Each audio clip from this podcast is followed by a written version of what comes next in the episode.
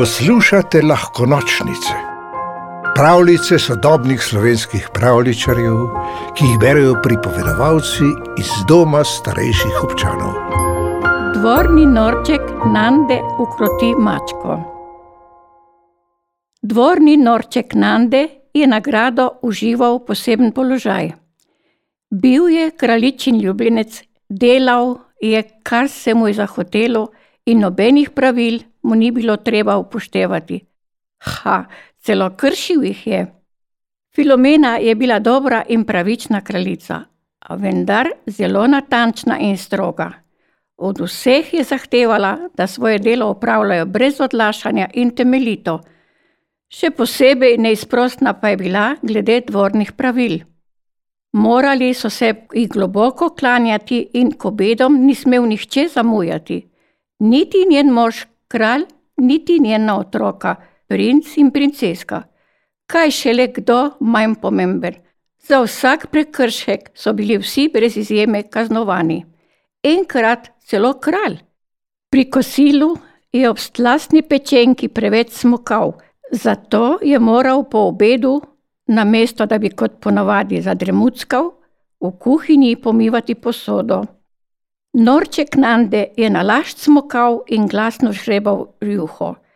K obedom je prihajal kakor kdaj in se tudi klanjal kakor kdaj, a ga ni doletelo nič drugega kot kraljičino prizanesljivo žuganje in blag nasmeh. Ja, Nande je bil na dvoru sam svoj kralj, a vse dobro, kaj hitro mine in v prah se je sesulo tudi njegovo kraljestvo. Kraljici Filomeni so nekega ponedeljka pripotovali odposlanci iz Perzije.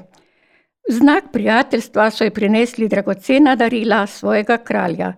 Kraljica pa se je najbolj razveselila mlade muce z dolgo belo dlako in smaragdno zelenimi očmi, ki je skočila iz zlatega koška.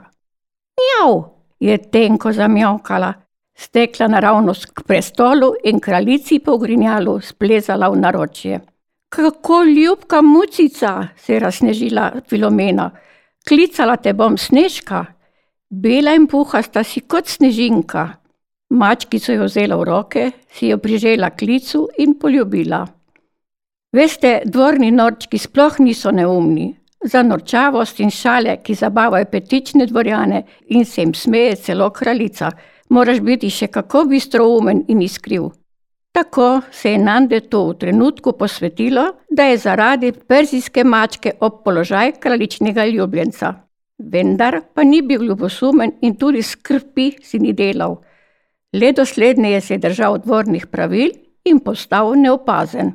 Da ne bi izval kraljičine jeze, ni mu bilo do pomivanja posode. Minevali so dnevi in muca je zrasla v mačko, v prebrisano in nesramno mrcino. Kraljici Filomeni se je prilizovala, kralja, princesko in princa je pustila pri miru, vse druge pa je ustrahovala in jim počela vse mogoče grdobije.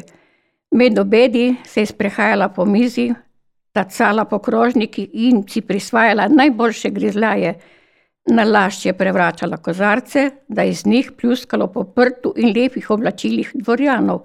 Damam je plezala po krinolinah in s krempeljci cefrala svilo ter dragocene čipke in vezenine.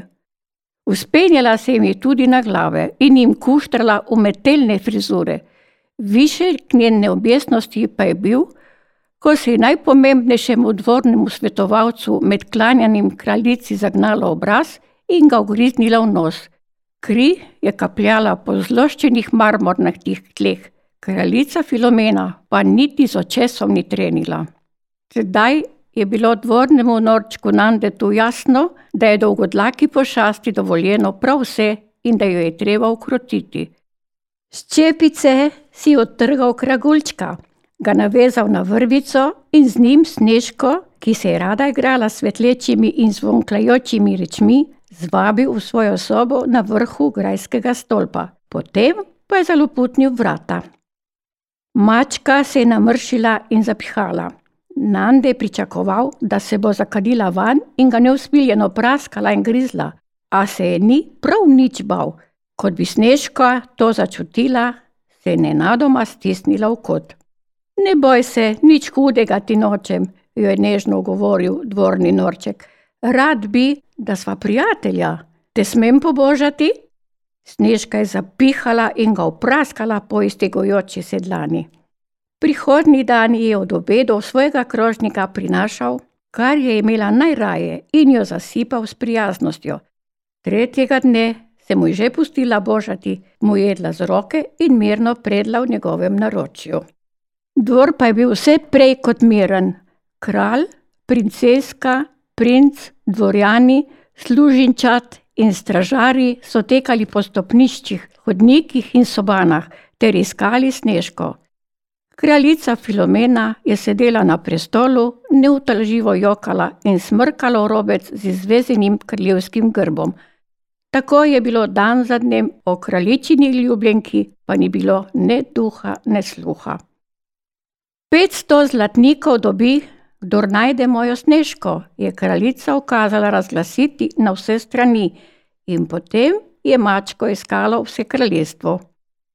Vse posod so stikali, prečesali travnike in gozdove, pogledali vsako hišo in stajo, se spuščali v presahle vodnjake, plezali po strehah, brez uspeha. Ko je dvorni norček Nande menil, da sta se Snežko dovolj spoprijateljila, se je z njo v naročju prikazal v prestolni dvorani. Kraljica je najprej objela njega, nato poljubila mačko in nemudoma ukazala norčku izplačati nagrado. A Nande jo je gladko odklonil. V svojem poštenem srcu je vedel, da bi bila to goljufija, saj mačke ni našel, ampak ugrabil, poleg tega pa tudi izdaja prijateljstva. Malce je sicer dvomil v to prijateljstvo, ni verjel, da ga je Snežka res vzljubila. Morda se je le pretvarjala, ker je bila zaprta in prestrašena. Kmalu pa so se njegovi dvomi razblinili, kajti perzijska mačka se mu je pustila božati in pestovati celo v kraljičini bližini. Bolj prijazna ali vsaj obzirna pa je bila tudi do dvorjanov, postala je prava kraljevska mačka. Pravljico napisala Damjana Kenda Husu, pripovedovala Ana Golob. V deželo princesk, zmajev, gozdnih vil in ostalih čarobnih biti ste vabljeni na lahko nočnice, pika si, pa lahko noč.